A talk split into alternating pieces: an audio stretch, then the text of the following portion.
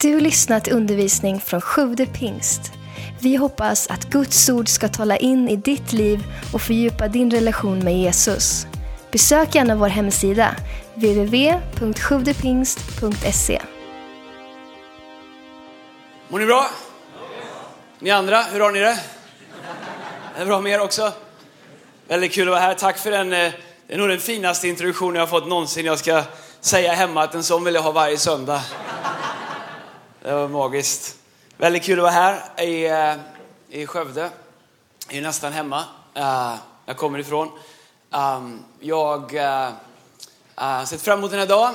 När jag är klar här idag så uh, ska jag åka till och träffa min fru och mina barn i Örebro. Och vi ska åka och åka skidor några dagar så det ska bli kul.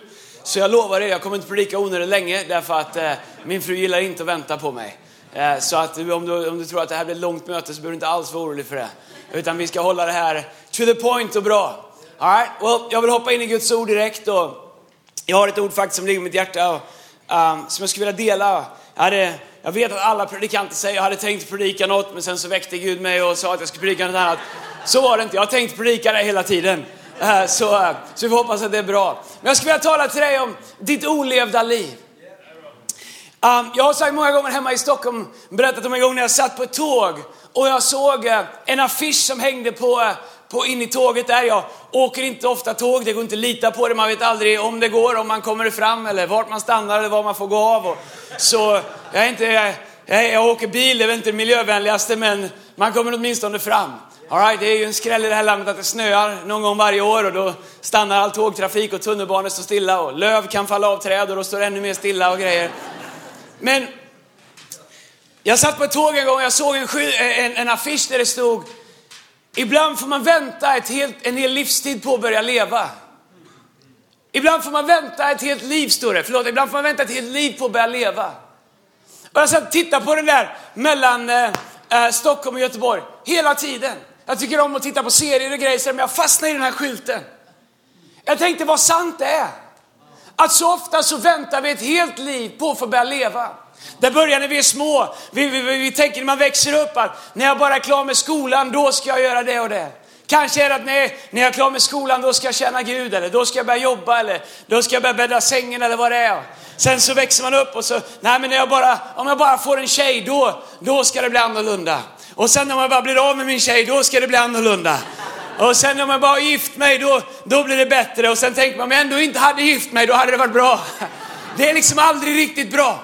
Och det här vi längtar efter och det här vi ska göra har en förmåga att flyttas fram hela tiden. Och så väntar vi på att få leva. För vi väntar på att omständigheter och förutsättningar ska bli så pass att de nu passar in i det som vi längtar efter eller så som vi har sett att det är. Och så lever man med det som jag kallar ett olevt liv på insidan. Om du vill ha en titel på den här predikan så heter den Ditt olevda liv. Jag är här för två saker idag. Nummer ett, för att du skulle lära känna Jesus lite mer. Om du inte känner honom här idag, om du är här idag, kommit till kyrkan, någon har tagit med dig och sagt att det var bio, men här är du undrar när filmen börjar. Så jag är glad att du är här, jätteglad att du är här. Äh, jag ber att du skulle lyssna och det är en förmån att få, få, få, få tala till människor som kanske inte känner Gud. Men jag är också här av en annan anledning och det är att kanske för några människor få utmana och inspirera dig. Oavsett hur ung och gammal du är. Att våga börja leva det liv som du på riktigt är född till att leva. Ditt olevda liv, det är det som du kanske väntar på att få börja leva. Det står i, så här brukar jag låta efter vårt sjätte möte hemma på kvällarna. Jag börjar så här, det är tur att det bara är ett möte idag. Det står i psalm 139 så här, vers 13, jag tror att vi har, där har vi det. Du har skapat mina njurar. Jag har ofta funderat på det här bibelstället, varför valde de just njurarna? Han kunde ju valt vilket organ som helst.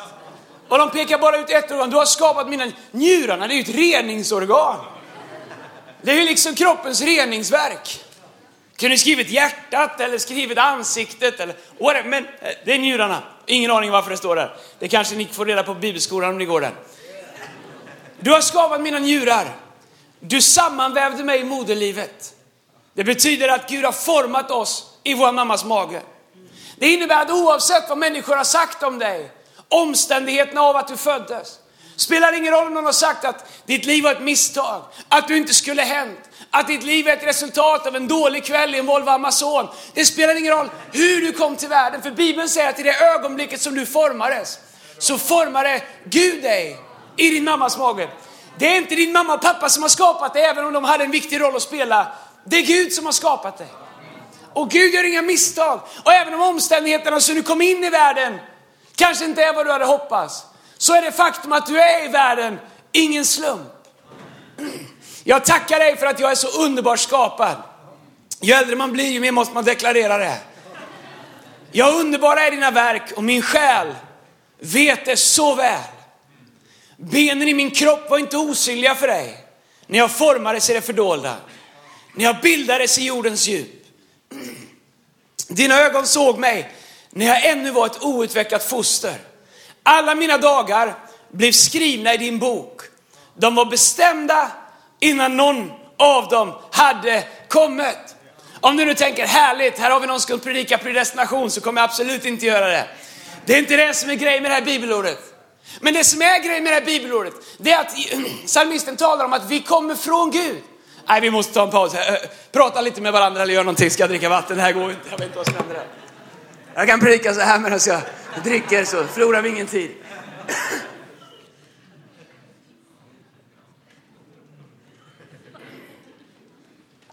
Nu kör vi. Okej. Okay. Så det Bibeln talar om är att vi lever inte bara här och nu på jorden. Bibeln säger att livet kan bli 70-80 år om vi har tur och en del ännu längre. Men, men, faktum är att jag tror att vi är, vi är från evigheten till evigheten. Jag tror att det är så här att när Gud formar oss så plockar han oss ur evigheten. Jag är inte exakt säker på hur våra liv såg ut innan vi kom ner hit till jorden. Men när Bibeln talar om att vi, att, att, att vi formades hos Gud. Jag tror att Gud har plockat oss ur, ur tidlöshet och satt oss i tid. Jag tror att det är så att när Gud skapar oss så, så plockar han oss ur tidlöshet. Vad betyder det? Jo, Bibeln säger att Gud är evig. Gud är tidlös. Han, han, han har funnits för alltid och kommer alltid att finnas. Gud är inte beroende av tid. Det innebär att när Gud säger att du har redan fått ditt bönesvar och du säger vart då? Så innebär det att Gud, han är redan här, där bönesvaret är. Och eftersom han inte lever i tid så är då samma sak som nu för Gud. Och så säger Gud, lita på att när jag säger att du har det, så har du det. Även om vi inte har det. För Gud han är evig. Och när Gud säger, jag har, för, jag har förberett en väg för dig. Jag har skapat en väg genom öknen. Jag kan öppna en dörr som ingen människa kan stänga. Du säger, Gud vart är den? Gud säger, den är här. Bara fortsätt lite till så kommer du upptäcka den. Så Gud står inte i framtiden och liksom lurar oss. Han står inte heller bara med oss och hoppas på framtiden. Han talar till oss nu från någonting som han redan lever i. Så den sanning han försöker ge till våra liv om vårt liv här nu, är en sanning som Gud redan existerar i. Det vi behöver göra är att sätta våran tro till att han som har startat ett gott verk i oss, han är rättfärdig och trofast och kommer fullborda det även in till Kristi dag. Så vi måste lära oss vad vi ska göra med mellanrummet mellan nu och det som redan är för Gud. Det är därför vi behöver vision.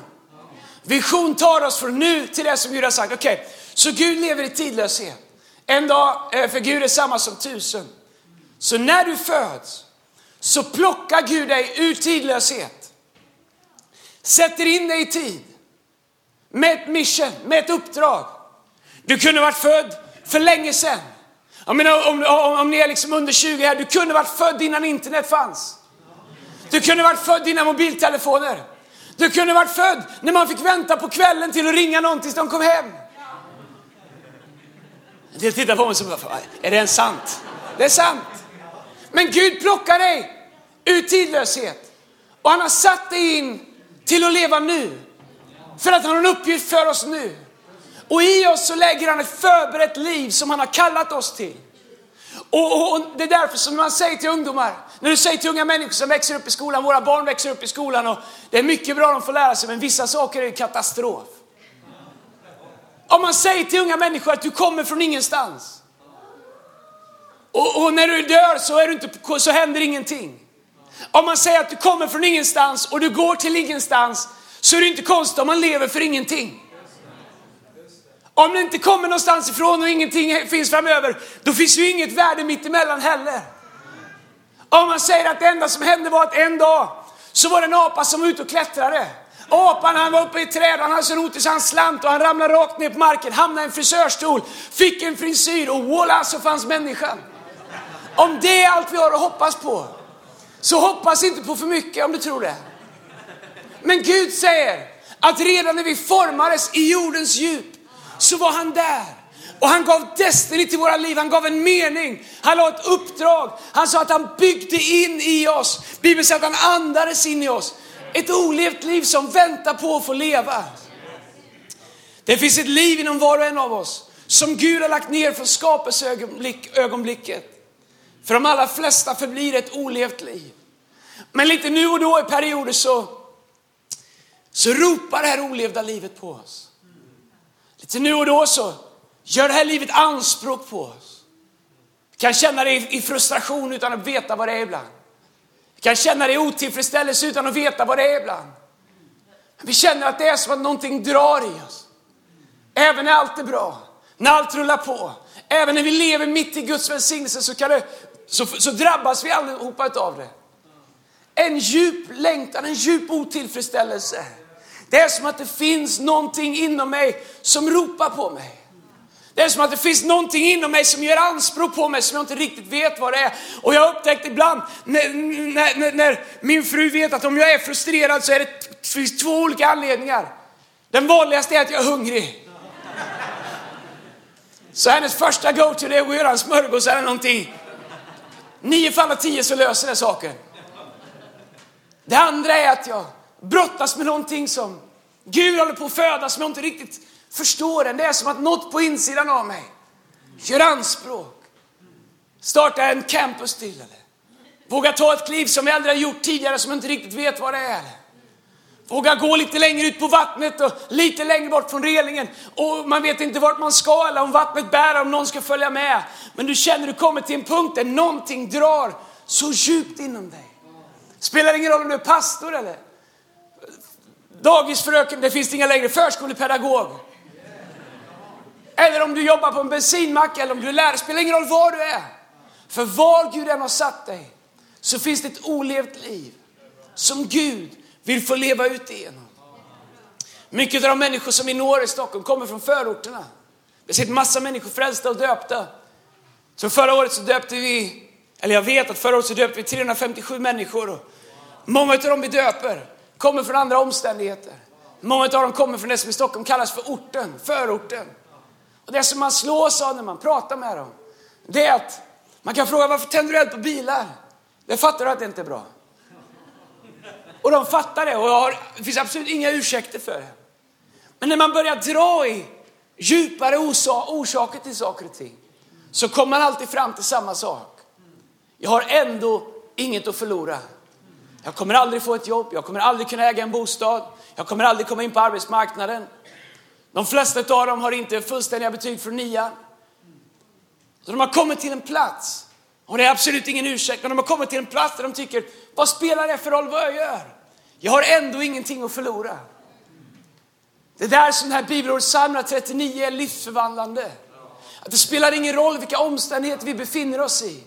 För Gud har format våra liv och lagt ett olevt liv på insidan av oss var och en. Och det här olevda livet, det, det börjar ropa på oss. Det är den heliga ande som, som börjar göra anspråk på att in och säga, hallå, det finns mer för dig. Nu när du fick den här välsignelsen, har den här välsignelsen gjort att du inte längre behöver Gud. Nu när Gud gav dig det där bönesvaret har det gjort att du inte längre vågar riskera någonting för att våga leva i tro och följa Gud in i det här olevda livet som finns på insidan. Vet du vad jag tror? Jag tror att välsignelser är en mycket större fara för att leva i tro än vad behov är. Jag räknar inte med mycket amen på det, men det är sant i alla fall.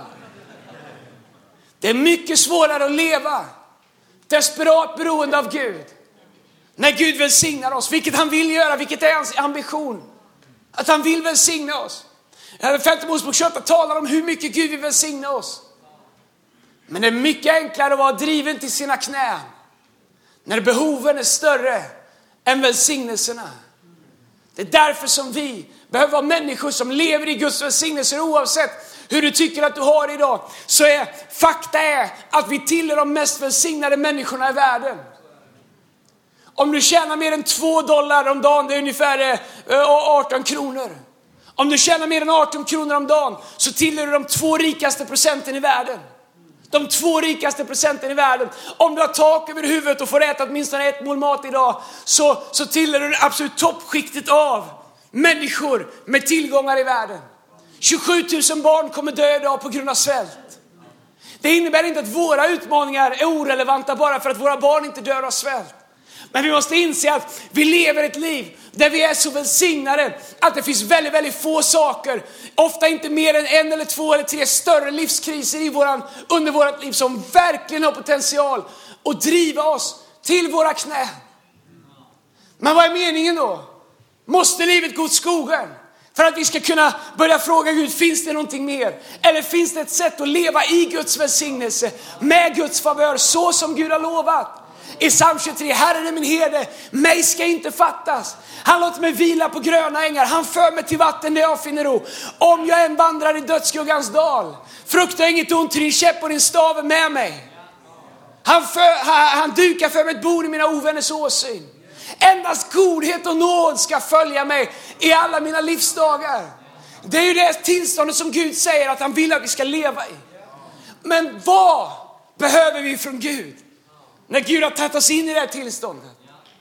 Varför ska vi be när vi har pengar på kontot? Varför ska vi säga att vi litar på Gud när vi inte behöver fundera på hur vi ska klara amorteringar den här månaden? Men finns det ett liv där vi kan ha, leva det? Vilket jag tror att Gud vill välsigna oss.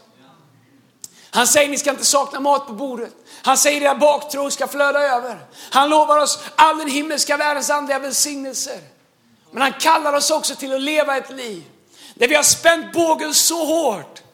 Där, där vi säger, Gud om inte du är med mig nu, då kommer det här inte gå.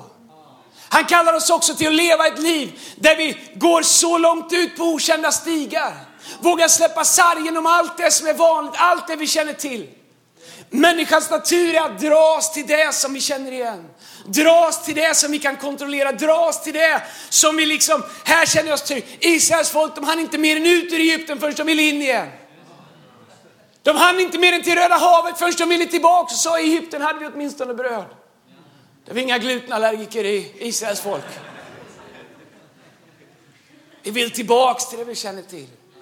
Men jag lovar dig, vill du leva ditt olevda liv, det som Gud har på insidan av dig, så kommer Gud locka dig så långt ut där du säger Gud om inte du finns nu, om inte det här är du, om inte du är med mig nu, då är det snart vatten ända upp i näsan. Men vet du vad? Det är i det livet som vi ser Guds löften gå i fullbordan. Det är i det livet som du känner att när du ber så är det inte bara religiösa inövda böner, utan när du säger, det, det, det, du, det du gör som David, när, när profeten kommer och berättar för honom hur mycket fel han har gjort med Batseba, där han kastar sig på marken, där han vänder sig mot Gud, där, där, där, där han ropar till Gud. Där det inte handlar om en fin bön, han säger Gud om inte du hjälper mig nu så finns det ingen hjälp. Vårt olevda liv som ger anspråk på oss. Jag tror att vi har inte själva verktygen att börja leva det här livet. Bara Gud som har skapat det är kapabel att göra det möjligt i våra liv. Psalm 139, vers 17 så säger, fortsätter han och skriver, hur outgrundliga är inte för mig dina tankar Gud? Hur stor är inte deras mångfald? Jesaja 55, 8 står det, mina tankar är inte era tankar. Era vägar är inte mina vägar, säger Herren. Gideon, en man i Bibeln, han är klen. Han är liten och späd. Han var, kunde varit från Skultorp. Nej, jag vet inte. Han är från den ringaste familjen av alla. Du är från Skultorp, jag skojar bara. Han kan vara från Stöpen var som helst ifrån.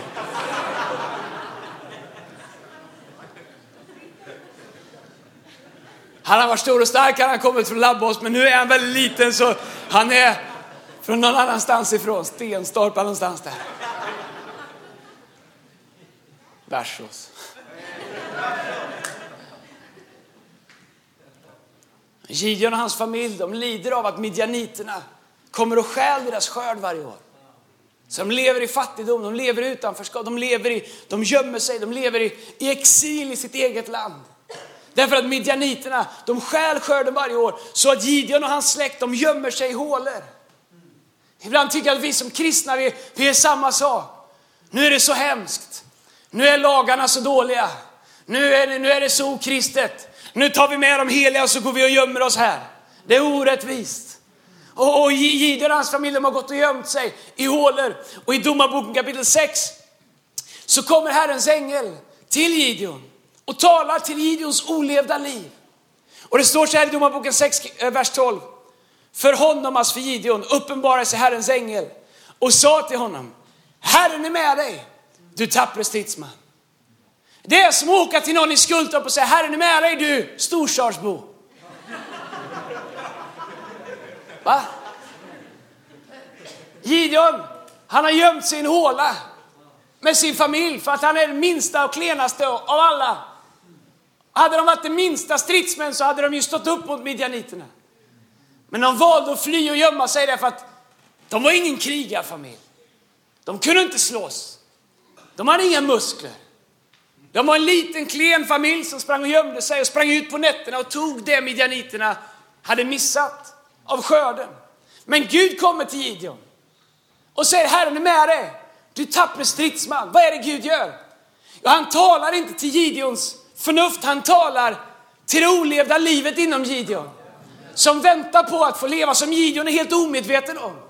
Hade Gideon vetat det så hade han levt helt annorlunda. Men Gideon har designat sitt liv efter det som han har bestämt att hans liv är. Faktum är att om du skulle vilja ha 30 sekunders psykologiutbildning här så kan du få det, det är de enda 30 jag kan. Men när jag talar till dig just nu så talar jag om ungefär, säger forskare, 250 ord i minuten. Det är vanlig samtalsfrekvens, kanske jag ligger på 350, men ett vanligt samtal är på ungefär 250 ord i minuten. Din inre röst, den som pratar på insidan av dig just nu, som undrar om jag ska stå still någon gång, eller hur länge håller det här på, eller stängde jag av strykjärnet, eller hur kallt det är ute egentligen, och vallar jag skidorna rätt innan eh, på morgonen. Du vet den här inre konversationen som vi har. Alltså är han här idag? Ja, är hon här idag? Vart är de? Är de och åker skidor? Det är det här det ni sitter och pratar med själva om här. Inre rösten. Den pratar med 1250 ord i minuten. Alltså fem gånger snabbare. Vet du vad jag tror om den rösten? När Paulus säger förnya ert sinne. Alltså förnya era tankar, helga ert sinne, förnya ert sinne. Så talar om vår inre konversation. Det, det, det, Gud gör när han kommer till, till, till Gideon är att han börjar tala in på ett djupare plan. Faktum är att vad jag säger här till dig idag är helt oviktigt. Vad du säger till dig själv, vad din inre röst säger till dig själv om vad jag säger, är det enda som betyder någonting. Ju mer vi läser Bibeln, ju mer formas vår inre röst efter Guds ord. Och vår inre konversation kommer hålla med Guds ord. Det är därför du vet när vi, när vi förnyar vårt sinne genom att läsa Guds ord, det är därför det är bra att gå den här kvällsbibelskolan. Det, det som händer är att om du inte läser Guds ord, då kommer allt vad Gud säger, allt vad en predikant säger, allt vad, vad du hör, kommer du vara tvungen att, att bearbeta genom en inre konversation som inte är färgad av Guds ord. Vilket är omöjligt, vilket är du säger, ah, det där är orimligt. Och det är orimligt med den verktyg som din inre konversation har. Men det är därför som jag säger till våran kyrka hemma, vi måste vara en kyrka som läser Bibeln. Vi måste vara en kyrka. Bibeln har mer än 3000 löften som gäller dig. De flesta kristna kan inte citera 10 av dem och de undrar vart Gud är. Och Gud han är i Guds ord. Därför måste vi vara människor som tror att jag är vad Guds ord säger att jag är. Jag har vad Guds ord säger att jag har och jag kan göra vad Guds ord säger att jag kan göra. Och när Gud kommer till Gideon och säger Herren är med dig du tappre stridsman. Så svarar Gideon utifrån sin inre konversation om vem han är. Så Gideon svarade honom, O min Herre, om Herren är med oss, varför har då allt detta kommit över oss? Och var är alla hans under som våra fäder har berättat om? Se, har inte Herren fört oss ut upp ur Egypten? Nu har Herren övergivit oss och gett oss i midjaniternas hand. Det var inte sant, men han hade förhandlat sig fram till det i sin inre konversation. Och han hade, det är den, den konversationen är det som designar våra liv. Vet du att du kan titta på ditt äktenskap? Jag har varit gift 15 år, snart 16 år så. Jag har precis kommit dit där man får ge något litet äktenskapsråd kanske. Tycker alltid det är fascinerande med ungdomspastorer som varit gifta tre månader som undervisar i äktenskap, men jag vet inte. Simon, vänta några år så har du, nej du, ni har varit gifta länge också. Tio år! Tack Jesus för frikyrkan när man gift sig tidigt.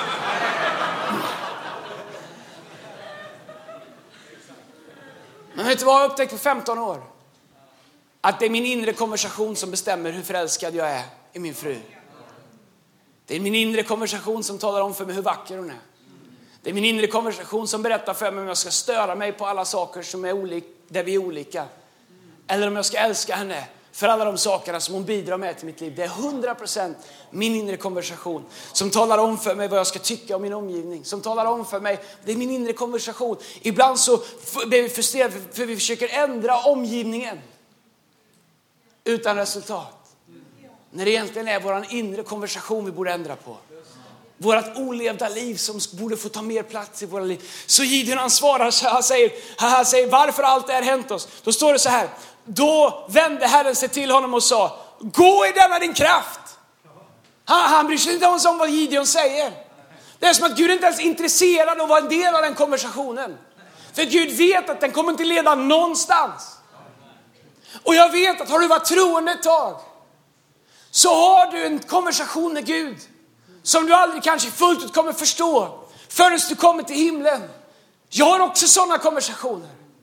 Varför var min dotter tvungen att ha två stora hjärtoperationer fast jag la händerna på henne och bar och Gud har sagt om jag gör det ska de bli helare. Varför blev andra människor helande under den här perioden medan jag bad för min dotter och inte min dotter? Och jag kan låta det säga okej, okay, så här blev det. Det får forma min inre konversation och min inre bild av vem Gud är. Så nu är det det som definierar för mig vem Gud är. Men mitt ansvar och det enda som kan få mig att leva det liv som Gud har för mig, det är att gå till Guds ord och säga Gud det här är vad du säger att du är. Gud det här är vad jag har sett, de stämmer inte. Men Gud, du är sann. Och jag har sett din kärlek, jag har upplevt din nåd. Jag klarade av att vänta med att få svar på det här tills jag kommer till himlen. Och det enda sättet att leva ett liv med Gud, vi växer i vår relation, det är att klara av att inte låta sakerna som vi inte förstår, sakerna vi inte kan kontrollera, definiera vår inre konversation. Jag fick inte det jag ville. Nu ska jag få definiera vem jag är. Mitt äktenskap höll inte. Mitt företag gick omkull. Jag fick inte min vilja igenom. Mina barn blev inte det jag hade hoppats på. Jag är inte det jag skulle vilja vara i livet. De flesta människor låter det färga deras gudsbild, deras bild av vem Gud är. Men vårt uppdrag är att höra vad Gud säger till oss i Guds ord. Och ibland när du säger Gud varför svarar du mig inte? Så är det för att Gud försöker säga något helt annat till dig. Men vi är så fast i den verklighet vi har skapat oss genom det vi säger till oss själva. Så Gud han svarar, han säger, då vände sig Herren till dem och sa, gå i denna din kraft och fräls Israel ur midjaniternas våld. Se, jag har sänt dig. Gideon har fortfarande fattat någonting. Han svarade honom, O Herre, hur skulle jag kunna rädda Israel? Min ett är ju den oansenligaste i Manasse och jag själv är den ringaste i min fars hus. Herren sa till honom, jag är med dig. Så Gideon pratar om omständigheter. Herrens ängel pratar om Guds kraft. Gideon pratar om sina förutsättningar i sitt naturliga liv. Herrens ängel pratar om kraften i det olevda livet som finns på insidan av, av Gideon. Jag är med dig och du ska slå midjaniterna som vore de en man. När, när, när Gud talar till Gideon så, det enda Gideon försöker göra är att peka ut för Gud varför det inte går. Han säger, jag är den minsta. Min familj är den minsta. Och jag är den minsta. Han säger min familj är de klenaste och av de klenaste är jag den klenaste. Det är bara i de här kretsarna man kan säga att han var en riktig klendank. Det kan jag inte säga hemma, det är ingen som vet vad det är. Han var så liten som att han stod på sidan, om han ställde sig så här på sidan och räckte ut tungan så han ut som en, som en, som en dragkedja. Han var så liten. Han var så tunn som att han ställde sig, om han ställde sig mellan två människor så började det vissla för han var som ett grässtrå i händerna på någon. Men det är som att Gud inte ens svarar på det. Utan Gud bara fortsätter att tala in till hans olevda liv. Gud talar till det olevda livet inom Gideon. Han säger Herren är med dig. Du tappre stridsman. Här när senast fick Gud börja tala till någonting som dina och din omgivning skulle säga är helt galet. För jag menar om det hade funnits en publik där när Herrens ängel hade stått vid Gideon och sagt Herren är med dig du tappre stridsman. Hade vi fått rösta om det så hade vi sagt vi röstar nej. Förutsättningarna finns inte där. Hade sociala medier fått tycka till om det? Eller hade det funnits mentometerknappar? Eller vad man nu, man nu gör med den här Melodifestival, appar och hjärtan och grejer. De har lyckats med allting utom musiken i Melodifestivalen nu. Hade vi fått säga vad vi tycker så hade vi sagt, inte Gideon. Han är ju den klen. Han bänkar 35 en bra dag.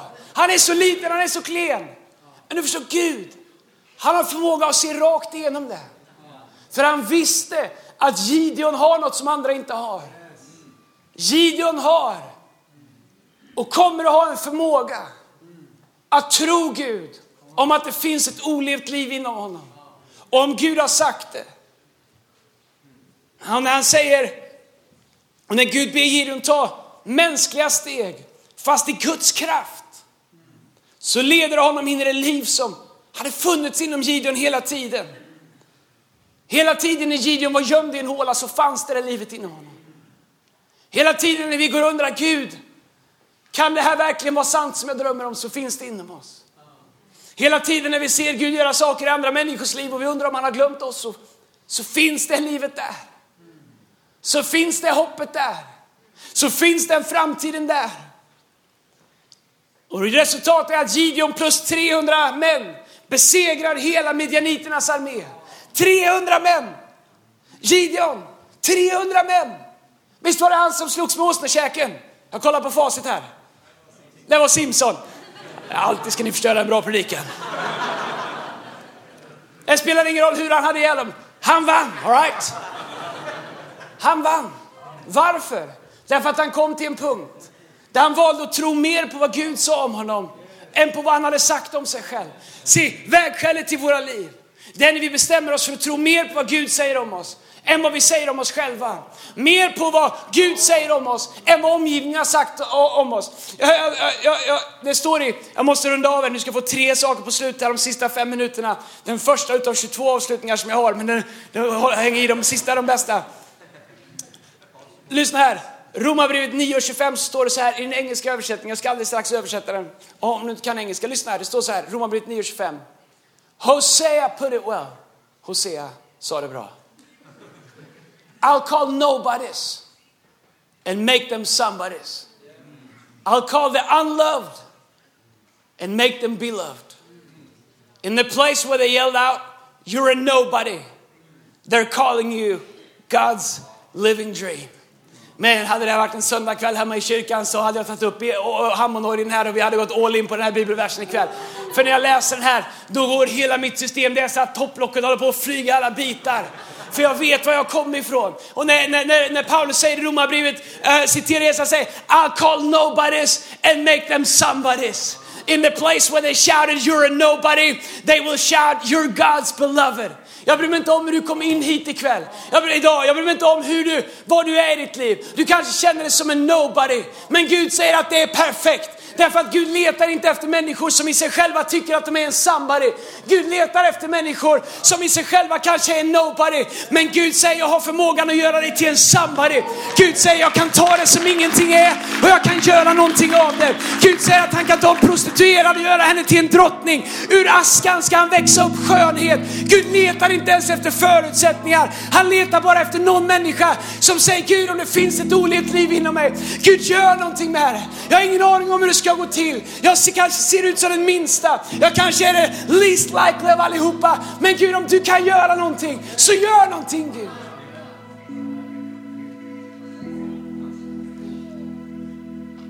Jag slutade nian utan fullständiga betyg. Jag var inte på alla klasserna. Mitt liv var struligt. En dag så kom min engelska lärare.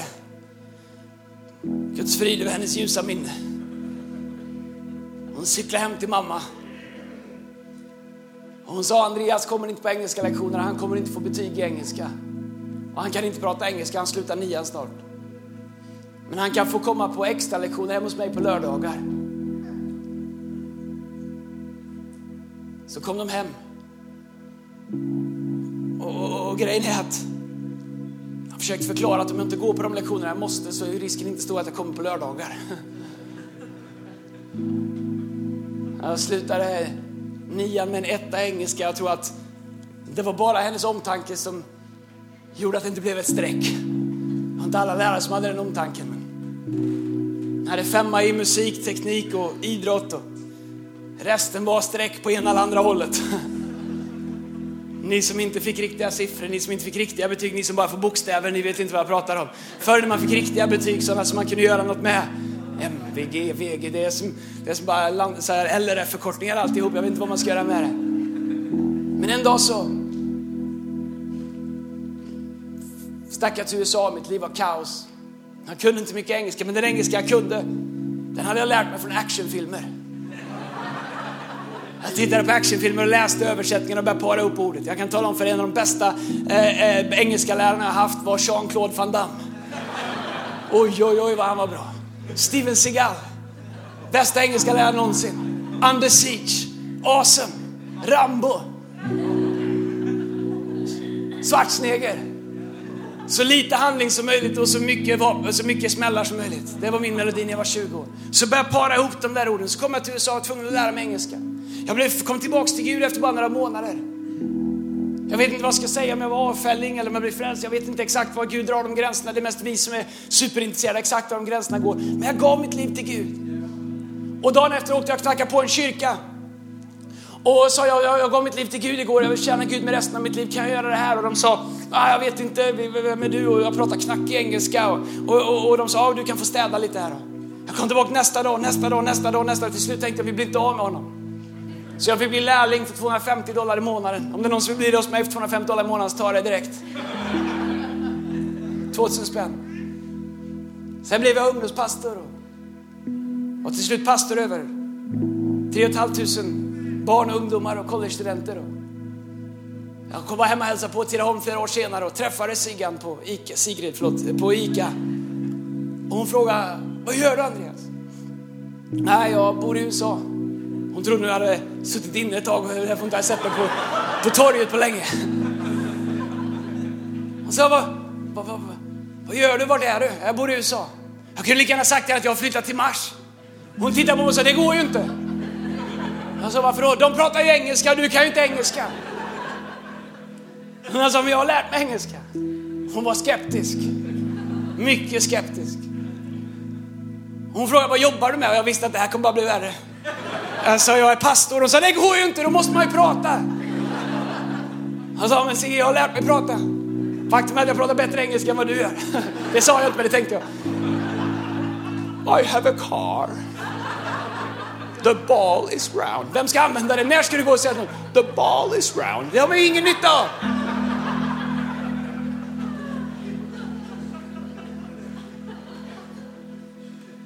Jag tänkte på det när jag läste det här bibelordet. I called nobody.